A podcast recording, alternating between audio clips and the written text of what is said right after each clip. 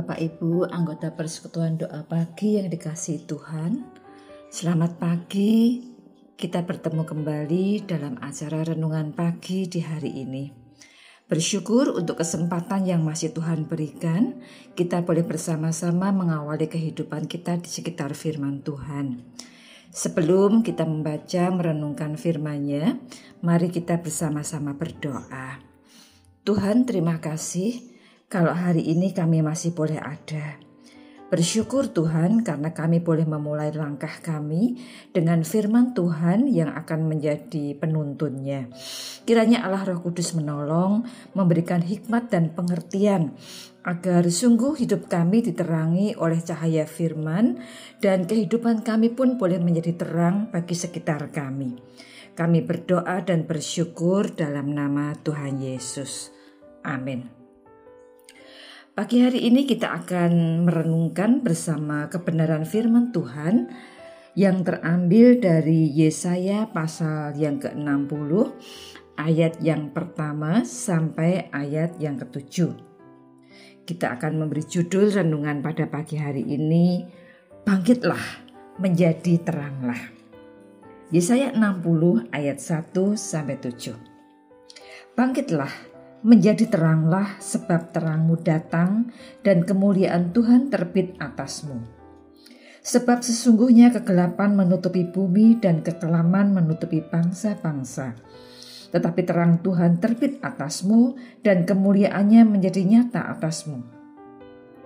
Bangsa-bangsa berduyun-duyun datang kepada terangmu dan raja-raja kepada cahaya yang terbit bagimu angkatlah mukamu dan lihatlah sekeliling. Mereka semua datang berhimpun kepadamu. Anak-anakmu laki-laki datang dari jauh dan anak-anakmu perempuan digendong. Pada waktu itu engkau akan heran melihat dan berseri-seri, engkau akan tercengang dan akan berbesar hati, sebab kelimpahan dari seberang laut akan beralih kepadamu dan kekayaan bangsa-bangsa akan datang kepadamu. Sejumlah besar unta akan menutupi daerahmu. Unta-unta muda dari Midian dan Eva. Mereka semua akan datang dari Seba, akan membawa emas dan kemenyan, serta memberitakan perbuatan masyur Tuhan. Segala kambing domba kedar akan berhimpun kepadamu Domba-domba jantan Nepayot akan tersedia untuk ibadahmu. Semuanya akan dipersembahkan di atas mesbahku sebagai korban yang berkenan kepadaku. Dan aku akan menyerak, menyemarakkan rumah keagunganku. Demikianlah firman Tuhan untuk kita renungkan bersama pada pagi hari ini. Bapak Ibu sekalian, sejak pemerintah menetapkan PPKM atau pemberlakuan pembatasan kegiatan masyarakat, salah satu yang dapat kita rasakan dampaknya adalah suasana yang gelap saat sore menjelang malam. Karena di saat tersebut pemerintah juga mengambil kebijakan untuk mematikan lampu-lampu penerangan jalan umum. Kalau biasanya saat sore menjelang malam jalan-jalan semarak diterangi oleh lampu-lampu sehingga pengguna jalan dapat lewat dengan nyaman, maka selama PPKM berlangsung pengguna jalan harus ekstra hati-hati. Keadaan yang gelap membuat suasana hati juga muram. Bahkan banyak kekhawatiran akan terjadinya tindak kejahatan. Suasana gelap berpotensi membuat kita salah arah.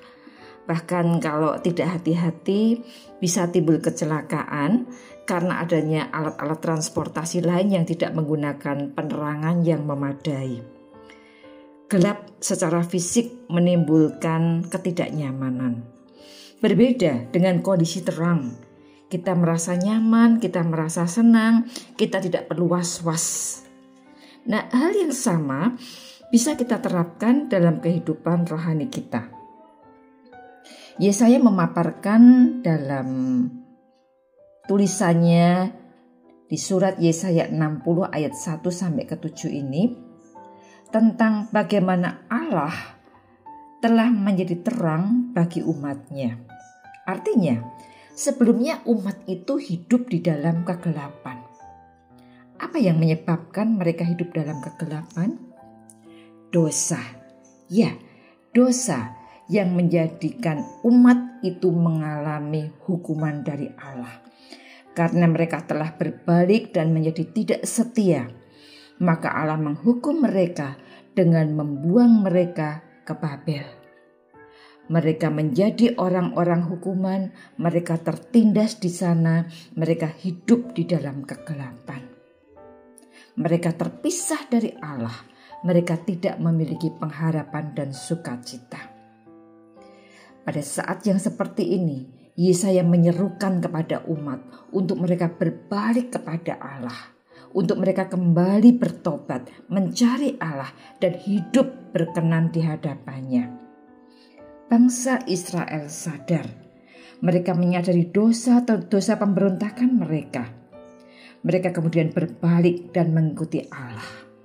Pada saat itulah Allah memulihkan keadaan mereka Allah mengembalikan mereka ke negara mereka dan Allah sendiri yang menjadi terang atas hidup umatnya.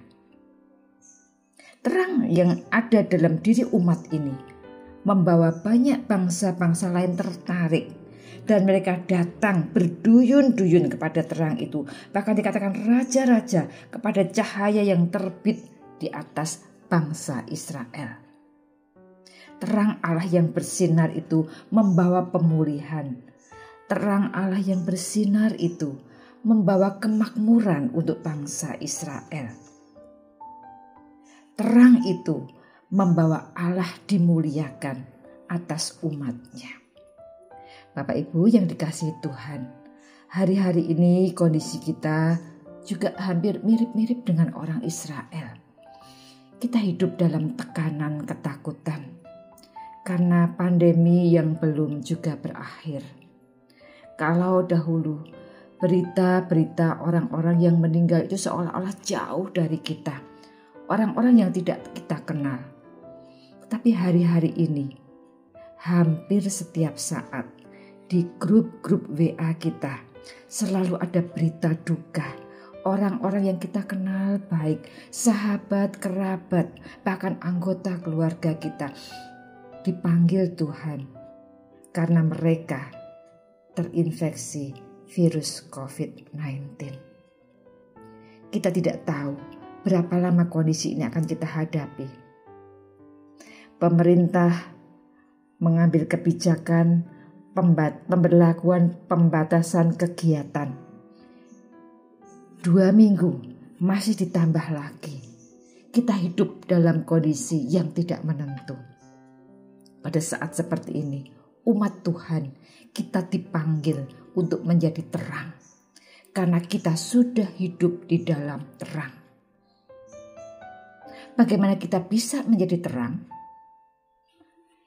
Itu bisa terjadi kalau kita terhubung kepada Sang Sumber Terang.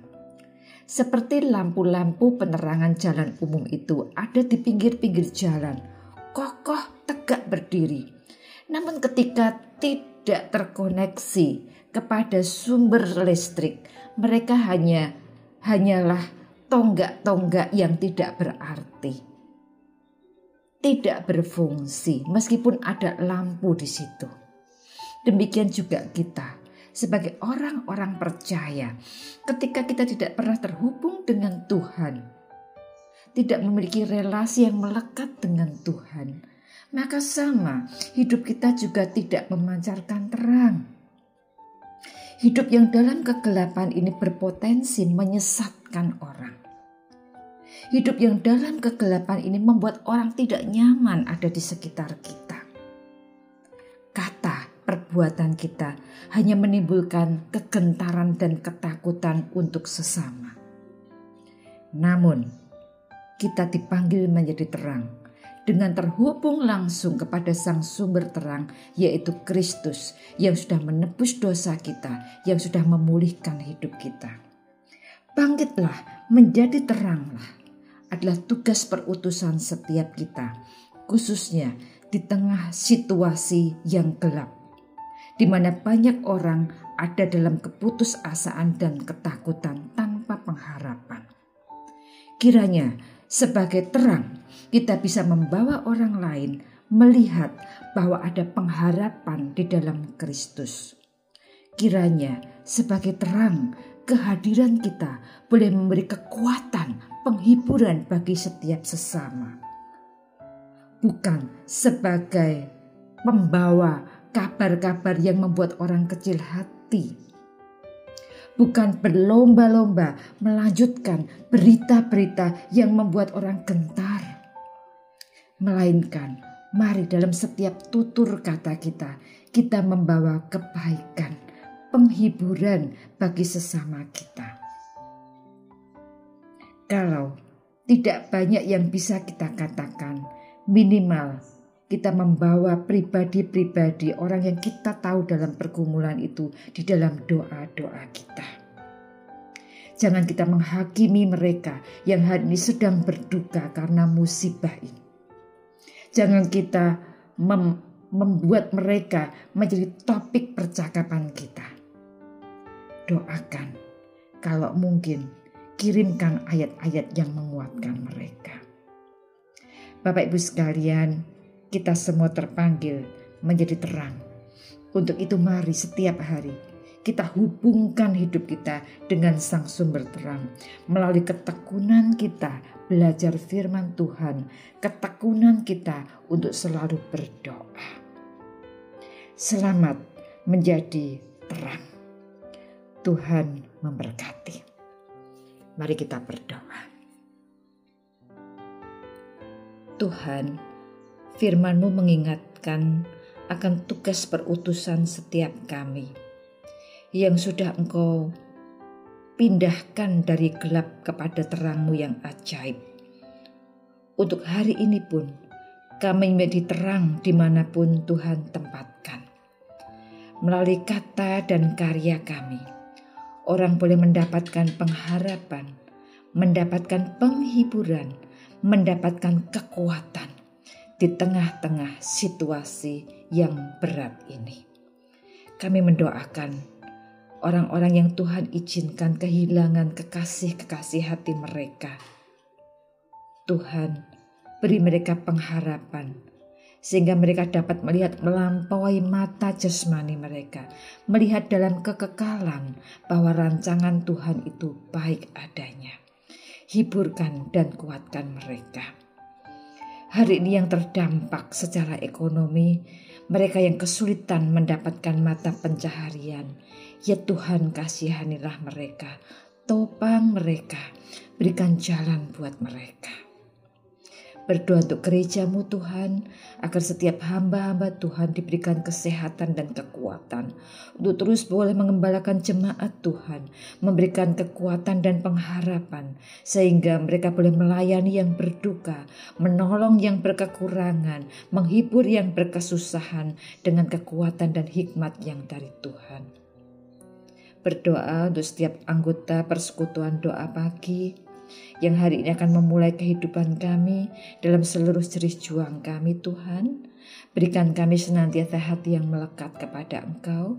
Berikan kami boleh berjalan di dalam terangmu. Kami bersyukur, kami berdoa dalam nama Tuhan Yesus. Amin.